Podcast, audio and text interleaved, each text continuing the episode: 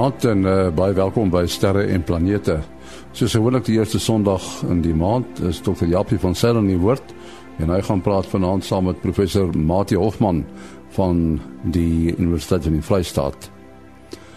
Ons gaan luister na ruimte weer, maar ook na ruimte nuus wat vir ons geskryf word deur Herman Torin in Bloemfontein.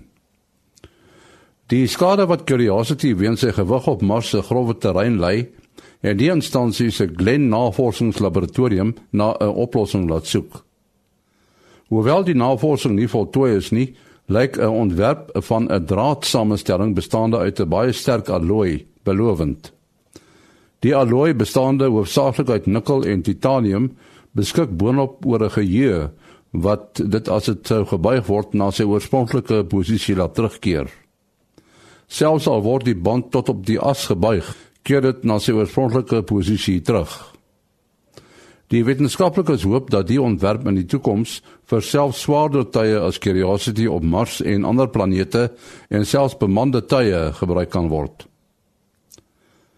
Japaneese wetenskaplikes wat die vrystelling van gamma-strale in weerlig bestudeer het, het ontdek dat antimaterie wat sterk met die ruimte geassosieer word en as moontlike toekomstige aandrywing van vuurpyle beskou word, ook tot stand kom wanneer die gamma-strale die neutrone uit stikstofatome dryf. Sommige van die atome word onstabiel en breek in positrone op. Positrone is antimaterie se ekwivalent van neutrone. Die positrone en neutrone skakel mekaar dadelik uit. Die spanleier van die navorsers sê die meeste van ons dink antimaterie is wetenskapsfiksie. Maar wie sou kon droom dit bestaan vlak bo ons koppe op 'n stormagtige nag. Tot sover dan ruimtenis wat geskryf is deur Herman Turin in Bloemfontein. En nou skakel ons oor na Kobus Olkers daar ver in Florida, Amerika vir ruimte weer. Goeienaand en goeienaand luisteraars. Ja, dinge toe gebeur verlede week gebeur soos ons gesê het. Uh, ons het toe 'n filament gehad wat uh losgebreek het en hy het teen Woensdag uh, Woensdag en Donderdag se koers het hy bietjie uh probleme veroorsaak en met met langafstandverbindings en so aan. Ons het 'n bietjie van 'n stampie gekry in die in die ionosfeer. Uh maar vir hierdie week lyk dit asof uh, asof al die pret nou oor is. Al die interessante verskynsels die ronde filamente en so en die sit nou almal op is op 'n punt om af te draai van die son af.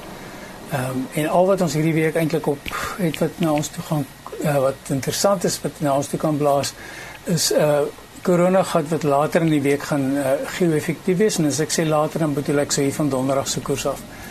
Ehm um, kan ons 'n uh, bietjie van 'n 'n toename verwag in sonwindspoed. Die ding lyk of asof hy noordwaarts gerig is, so geen probleme met die aarde se magnetveld wat verswak word nie. Nou ja, daar is dit is dan wat die magnetiese aktiwiteit aan betref. Filamente is daar 'n groot een, groot lang ene wat oor die noordelike halfrond van die son gaan, maar hy lyk so stabiel dat lyk nie asof enigiets hom gaan of laat val of laat opstyg nie. So 'n rustige week hierdie week wat die wat die son aan betref. Natuurlik kan altyd iets gebeur wat ons uh, wat wat 'n mens nie kan sien nie. Maar sover is dit uh, al wat ons voorspel vir hierdie week. Uh, Goeienaand almal. Dit was uh, Kobus Olkers en ruimte weer. Uh, ons praat gewoonlik met met Japie as hy daar uh, in Kalifornië is Pasadena, maar op die oomblik sit hy in Baltimore. Nou as ek Baltimore hoor Japie dan dink ek onmiddellik aan die uh, Space Science Institute, Telescope Institute. Uh, kuier jy daar of is dit 'n ander plek? Nee, ek kuier vandag hier by die uh, sogenaamde Applied Physics Laboratory, die APL in plaas van die JPL. Uh en uh dis deel van uh, Johns Hopkins Universiteit hierso. Uh, uh Applied Physics Laboratory is is een van die drie sentrums hier in Amerika wat uh al planetare uh sendinge na ander planete toe gestuur het om die waarheid te sê hulle die New Horizons satelliet gebou wat verby Pluto gevlieg het en uh, ons werk baie nou met hulle saam uh, op die uh, sending na Europa toe. Hulle bou die satellietdeel uh vir ons en ons bou die instrumente en so aan. So dit is 'n baie goeie uh, samewerking wat ons met hulle hier in die gang het. So ons gaan vandag bietjie saamkom en gesels omtrent samewerkings in die toekoms vir landers op Europa en ander plekke in die sonnestelsel. Die James Hopkins uh universiteit is hy nie maar net oor kan die straat vanaf die Space Telescope Science Institute nie. Dis dis waar, hulle is op dieselfde kampus. Uh ek ek um, uh is nou maar net met 'n uh, ander groep hierso by die universiteit vandag hmm. besig. Hulle is natuurlik die plek wat uh die sogenaamde Science Center sal wees vir die vir die James Webb uh, teleskoop wat uh uh som in binne die volgende jaar of so gaan lanseer. Ja. So uh, hulle hulle raak nou baie besig om om reg te maak vir die nuwe ehm um, data wat hulle sal kry van James Webb of hulle is dit hulle is natuurlik meestal bekend vir die werk wat hulle met die Hubble teleskoop gedoen het soos jy reg opgelet het maar uh, hulle doen baie ander goed ook hulle is vir ons uh, ook uh, byvoorbeeld besig om saam met ons aan die Kepler data te werk en so aan by by die uh, instituut hierso. Ja. Nou die die James Webb teleskoop, waarso is sy komponente? Dit alles mooi bymekaar naby die uh lanseerplatform of uh moet daar nou nog 'n klomp komponente bymekaar uh, gemaak word? Uh ek het onlangs gehoor dit is so die projek is so bietjie vertraag, maar dit lyk my as ek na jou luister, daarom nie uh, te veel nie. Uh ja, dit is uh dis interessant. Uh, uh gewoonlik hierdie vreeslike groot projekte hulle kry uh, baie voorkeur as dit by lansering en so aankom maar uh, die die um, uitstelling van die lansering van James Webb is is as gevolg van konflik by die die lanseerplek in uh, wat um, in in French Guiana waar hulle vanaf gaan gaan lanseer. Daar's ook 'n ander ja Europese ruimteagentskap uh, sending wat min of meer dieselfde tyd moet lanseer en dit hulle nou baie onderhandelinge gedoen en op die ouend besluit om die Europese sending voorkeur te gee en dan James Webb so 'n bietjie uit te skuif. Uh soos jy sê, dis nie vreeslik ver uitgeskuif nie. Dit gee vir hulle so klein bietjie meer tyd. Maar alles is nou uh aan mekaar of sover ek weet. Uh om die waarheid te sê, ek dink hulle het net so binne 'n week of so gelede het hulle uit hulle sogenaamde thermal vac uh toetsing uitgekom en nou thermal vac verwys na die toetse wat jy doen onder vakuum en jy doen dit onder die temperature wat die uh, satelliet in die ruimte sal sien. So dit is 'n groot uh, plek in uh, Houston dat hulle dit uh, gedoen. En sover ek weet dat uh, is alles suksesvol afgeloop. So dit is uh, is 'n baie groot stap vorentoe vir hulle uh, om nou uit die sogenaamde toetsing uit te kom. Ja. Nou hoekom word die lansering daarvan uh, French Junior gedoen en nie van die meer gewone plekke in Florida? of uh die wat is die ander een uh die ander lanseerplatform in Amerika wat gebruik word die die, die beroemdste een sogenaamde Vandenberg soos ons sal sê van 'n berg ja, hier in Kalifornië. ja, ja, die rede is uh die die uh Europa verskaf die vuurpyle in hierdie geval is op 'n Ariane uh vuurpyl wat hy gelanseer word. De uh James Webb mense dink altyd aan dis 'n NASA projek, maar daar's ook 'n groot uh, bydrae van van Europa af. Uh om die waarheid te sê hulle een van die drie instrumente het hulle 'n baie groot rol ingespeel en in een wat kleiner rolle in die ander instrumente en dan verskaf hulle natuurlik ook die die vuurpyl. En die konstruksie uh en die van die verskillende komponente van die James Webb uh op hoeveel verskillende plekke het dit geskied. Ek bedoel as nou die uh die komponente van die uh, saamgestelde spieël byvoorbeeld en natuurlik die instrumente oor hoe groot afstande moet alles bymekaar kom tot dit nou daar by die lanseerplatform kom. Dit alles klink soos 'n ekstra risiko as mens hierdie sensitiewe toerusting moet op verskillende maniere vervoer oor uh, deur die lug of oor land Ja nee, dit is uh daar's baie baie instituie wat uh aan uh deelgeneem het aan aan die ontwikkeling van hierdie stelsel. Om net 'n voorbeeld te gee, die instrument waarmee ek uh, betrokke was toe ek nog in astrofisika by JPL was, die sogenaamde MIRI of Mid-Infrared Instrument uh op uh, James Webb. Uh dit is 'n samewerking met Europa gedoen. Hulle die optiese deel gebou en ons het die die sal ek sê die detektorstelsel die die sogenaamde focal plane array het ons gebou.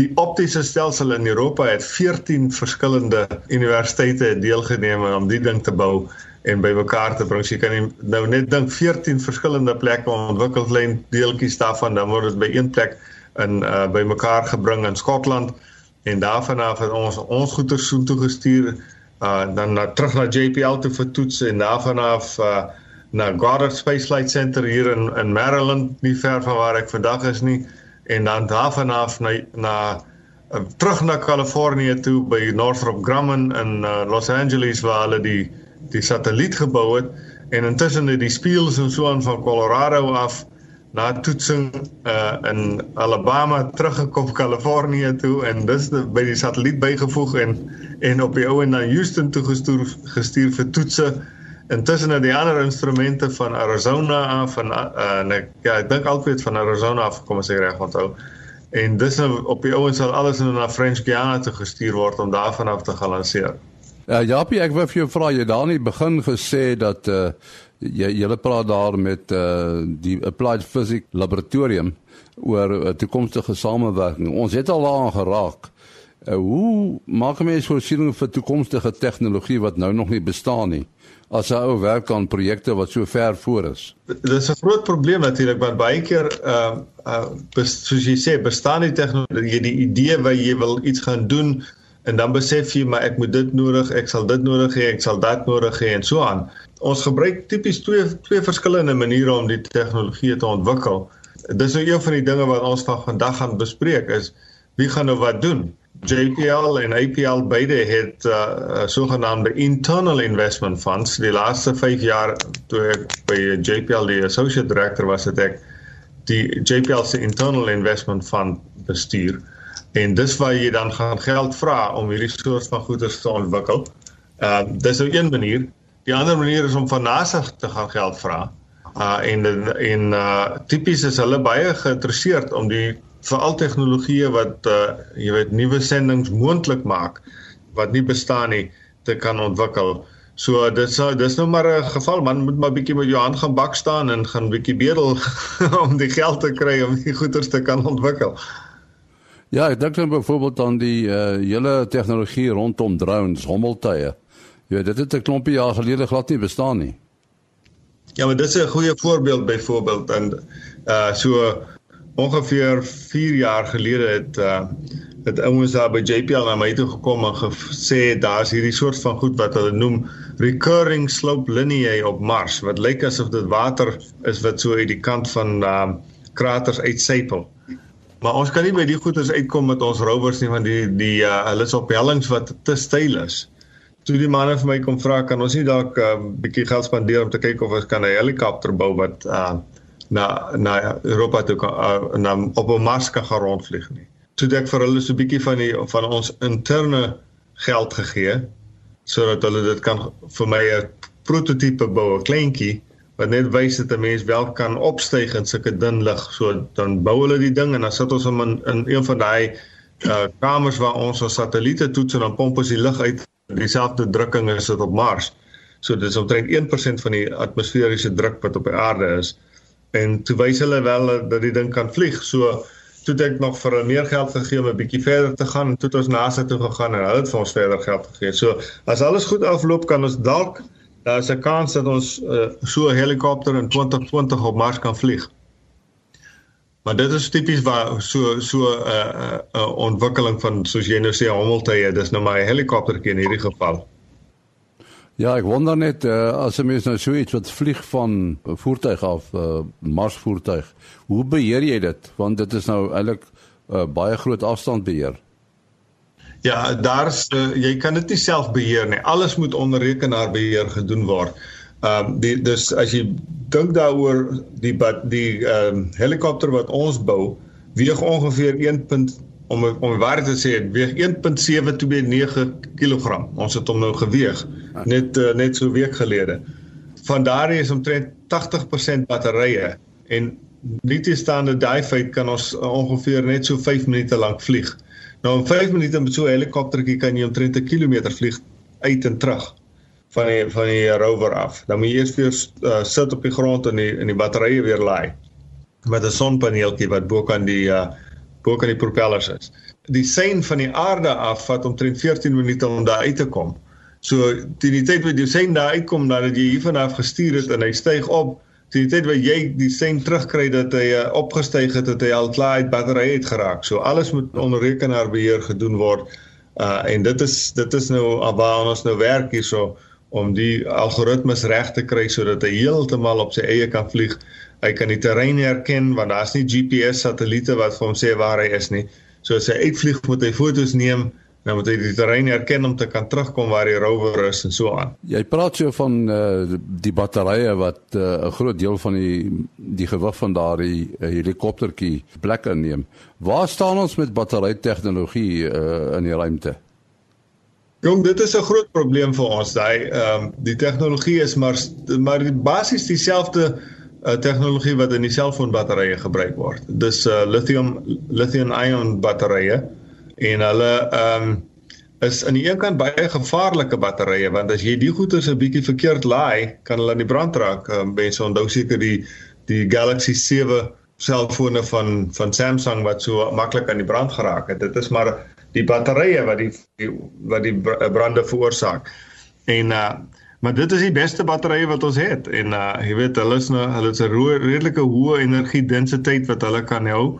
Uh en uh maar daar's baie werk wat daaraan gedoen word, maar sover het nog niks eintlik veel beter as dit op die mark gekom het. Ons het al gepraat van uh hierdie asteroïde wat uh, vanuit die verste buitenste ruim hier naby ons is relatief Oumuamua sê uh namens 'n uh, naam wat uh, uit Hawaii kom. Nou sien ek daar is ouens wat uh, beplan om na die asteroïde toe te gaan. Dit pas seker in by julle planne uh, Japie om byvoorbeeld op uh, asteroïdes te gaan myn. In hierdie geval wil, wil ons basies net gaan uitvind waaruit bestaan hierdie asteroïde aangesien hy van buite ons sonnestelsel afgekom het. Ehm um, ons weet natuurlik dat hy moes van buite af gekom het as gevolg van die lyn wat hy gevolg het, die pad wat hy gevolg het terwyl hy hier deur deur ons sonnestelsel gevlieg het en die spoed waarteen hy trek. Die plan wat jy na verwys is 'n paar ouens hier by JPL wat so vinnige berekeningkies gedoen het en hulle het uitgewerk dat as ons 'n groot genoeg vuurpyl aan die gang kry en ons uh, styg hier by die aarde op en ons um, gaan naby die son verby en dan terwyl die son ons versnel sit ons nog 'n sterk vuurpyl ook aan die aan die gang om dit nog daai ekstra bietjie spoed by te gee.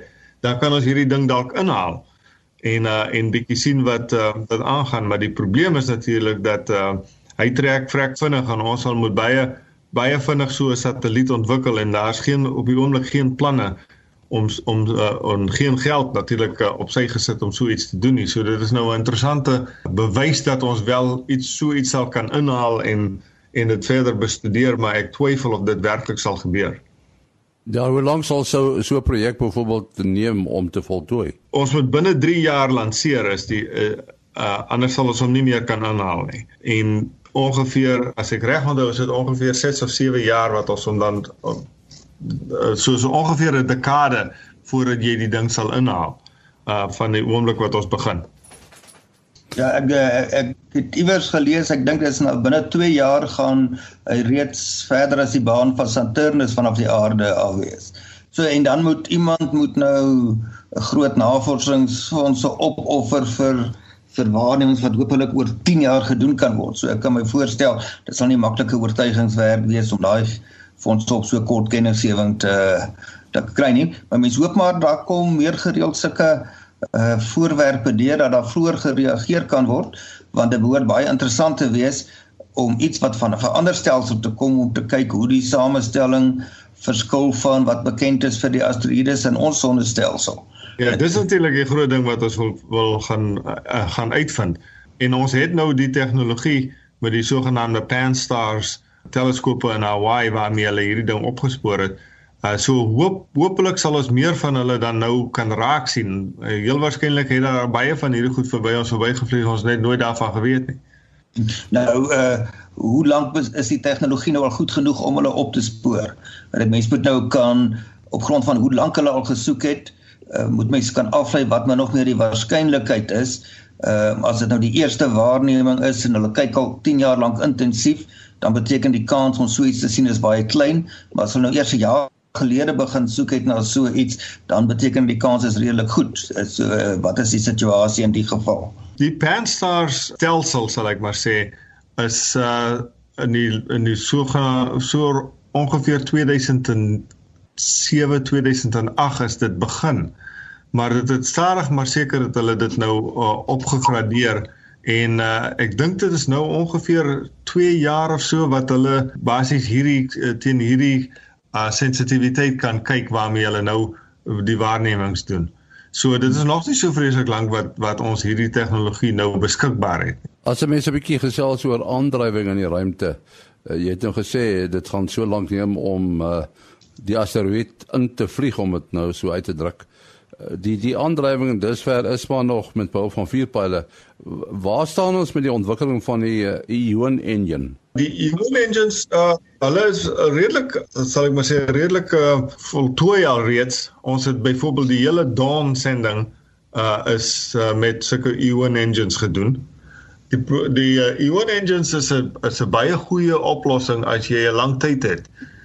Dat jy want hulle versnel baie stadig, hulle is baie effektief, maar hulle versnel baie stadig om die waarheid te sê die krag van so 'n ion engine is omtrent dieselfde hoeveelheid uh, drukking as wat jy as jy 'n pen in jou hand hou vas.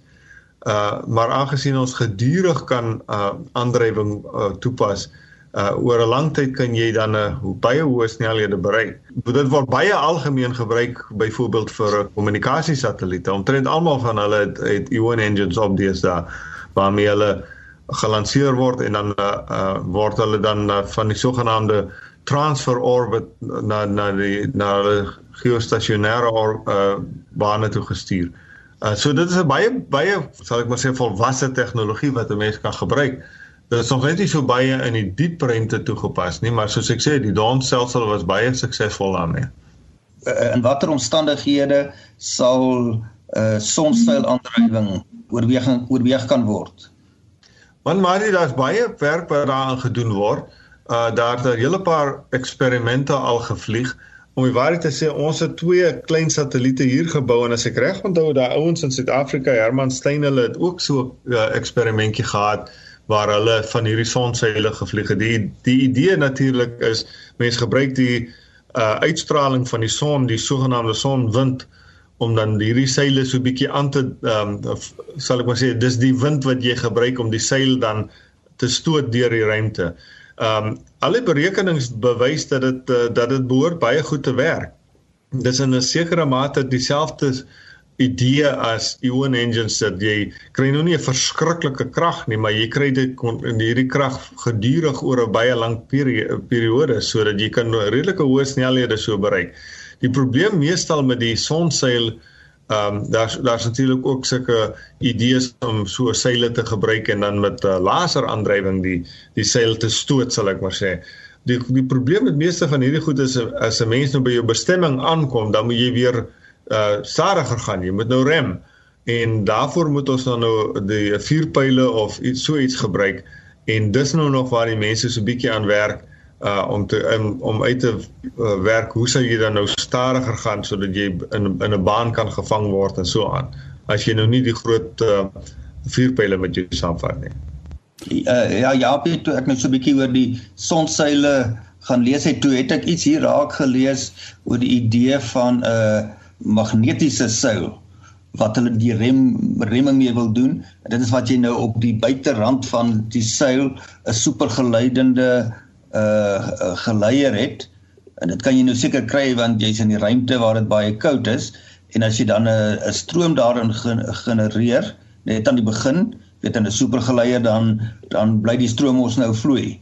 Maar uh dan dan het jy basies 'n magneet wat deur die ruimte uh, beweeg. En as jy nou in in die ruimte is daar gelaaide deeltjies en dan jy interaksie uh energie wat oorgedra word van die magneet na die uh gelaaide deeltjies en dit kom op eh, 'n uh, rem effek neer wat weer eens 'n baie klein effek is maar uh, gegee lank genoeg tyd kan jy dan hopelik die effek kry om teen die tyd wat jy nou jou teiken bereik dat jy stadig genoeg beweeg om in 'n baan gevang te kan word. Uh so dit is seker maar nog baie futuristies om om so iets te oorweeg maar ten minste is dit 'n idee van wat gedoen kan word. Ja nee, dit klink 'n baie interessante idee uh, idee veral as jy dink as jy uh, so 'n magneetveld kan opwek uh, soos jy nou sê jy kan stadig uh, sal ek maar sê 'n rem uh, met die geleide deeltjies net in die in die ruimte self maar as jy nader aan 'n planeet kom wat 'n wat 'n magneetveld het dan kan jy daardie interaksies natuurlik ook gebruik. So dit behoort baie goed te werk. Dis 'n interessante idee. Ja, wat sê in die diep ruimte die uh gemiddelde digtheid van sulke gelaaide deeltjies kom ons sê nou maar per kubieke sentimeter wat ons nou maklik vir onsself uh, kan visualiseer. Man, dis ek ek moet sê ek ek kan nie die getalle onthou nie. Uh, ek sal 'n bietjie gaan kyk. Voyager het dit ge, gemeet uh, al die pad uit tot uh, in die rand van ons sonnestelsel, maar ek kan ongelukkig nie die die getalle onthou nie. Dit is baie baie minder. So uh, dis seker waarom hulle in die in die ding wat jy gelees het sê dit is 'n uh, jy weet jy sal stadig rem op die manier jy moet lank voor die tyd natuurlik begin. As as mense nou praat oor uh, aandrywing in die algemeen, die die uh, klein steam engines wat hulle gebruik, uh, is dit maar hydrazine wat hulle gebruik as brandstof? Meeste van die van die satelliete wat ons gebruik, gebruik hydrazine, ja vir vir die vir die uh vir hulle stuwers om hulle om hulle uh, te beheer en so aan.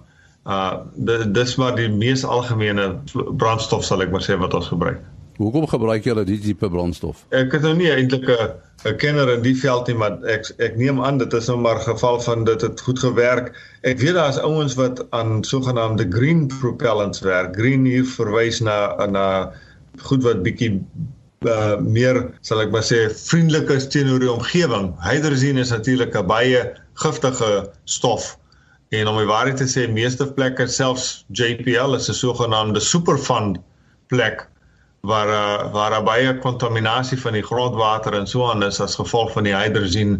Dis 'n ding wat baie lank uh, in die grond bly. So daar's 'n gro groot uh, sal ek maar sê druk op op die ruimte besighede hierso om beter uh, brandstowwe te ontwikkel. En daar is nou sogenaamde green propellants wat die ouens nou begin hier gebruik ons gebruik hulle vir ons kleiner satelliete op die oomblik. Ehm um, so hopelik in 'n klompie jare sal ons oorskuif na die meer uh, vriendelike goed vir ons omgewing hier in, op aarde. Volgende jaar lê nou voor uh, Japie het julle iets wat julle in die skuld voer wat nou moet gebeur wat belangrik is? Man die groot ding vir vir my vir my uh, afdeling hier by JPL is natuurlik ons lanseer uh, die Insight um, satelliet na Mars toe hy gaan 'n lander wees wat gaan stil sit op 'n uh, plek op Mars. Hy het 'n vreeslike sensitiewe ehm um, seismometers op hulle om te kan kyk of daar die die ekwivalent van aardbewings gebeur op Mars want dit sê vir ons 'n bietjie of daar 'n vloeibare kern is in, in, in op Mars of nie. En dan gaan hy ook 'n 'n soort van 'n hamer meganisme op hom hê wat uh, so 'n 'n probe in die in die um, grond gaan indryf vir so ongeveer 5 meter en dan gaan ons al die ding geïnstrumenteer hê met sensors of hittemeters om te sien hoeveel hitte uit die binnekant van Mars uit uitvloei. Dit gee ook vir ons 'n aanduiding of daar 'n vloeibare kern is en so aan. So Insight is die is die groot uh, ding vir ons hierso op die oomblik. Uh, hy het, hy het ook nou net sy thermal vac toetse klaar gedoen. Alles het goed gegaan. So ons is nou besig om die laaste goeders reg te kry en vroeg in Februarie sal ons hom hy is die eerste sending wat van na Mars toe gaan wat hier uit Kalifornië uit gelanseer gaan word. So dit gaan interessant wees. Dis nou maar net as gevolg van die feit dat ons 'n groot genoeg vuurpyl het dat ons hom hier van Kalifornië af kan lanseer. Hy's nie so 'n groot satelliet nie. Goed, Japie, ons moet afsluit. Wat is jou uh, besonderhede? My e-posadres japiejpl@gmail.com japjpl@gmail.com. En dan uh, Mati? Uh selfoonnommer 0836257154. 0836257154. Onthou as jy meer inligting wil hê oor ons sterre en planete boek wat tans op boekwinkels se rakke is, SMS dan sterre by 4119. Sterre 4119. daarmee kom ons aan die einde van die program. Tot 'n volgende keer. Mooi loop.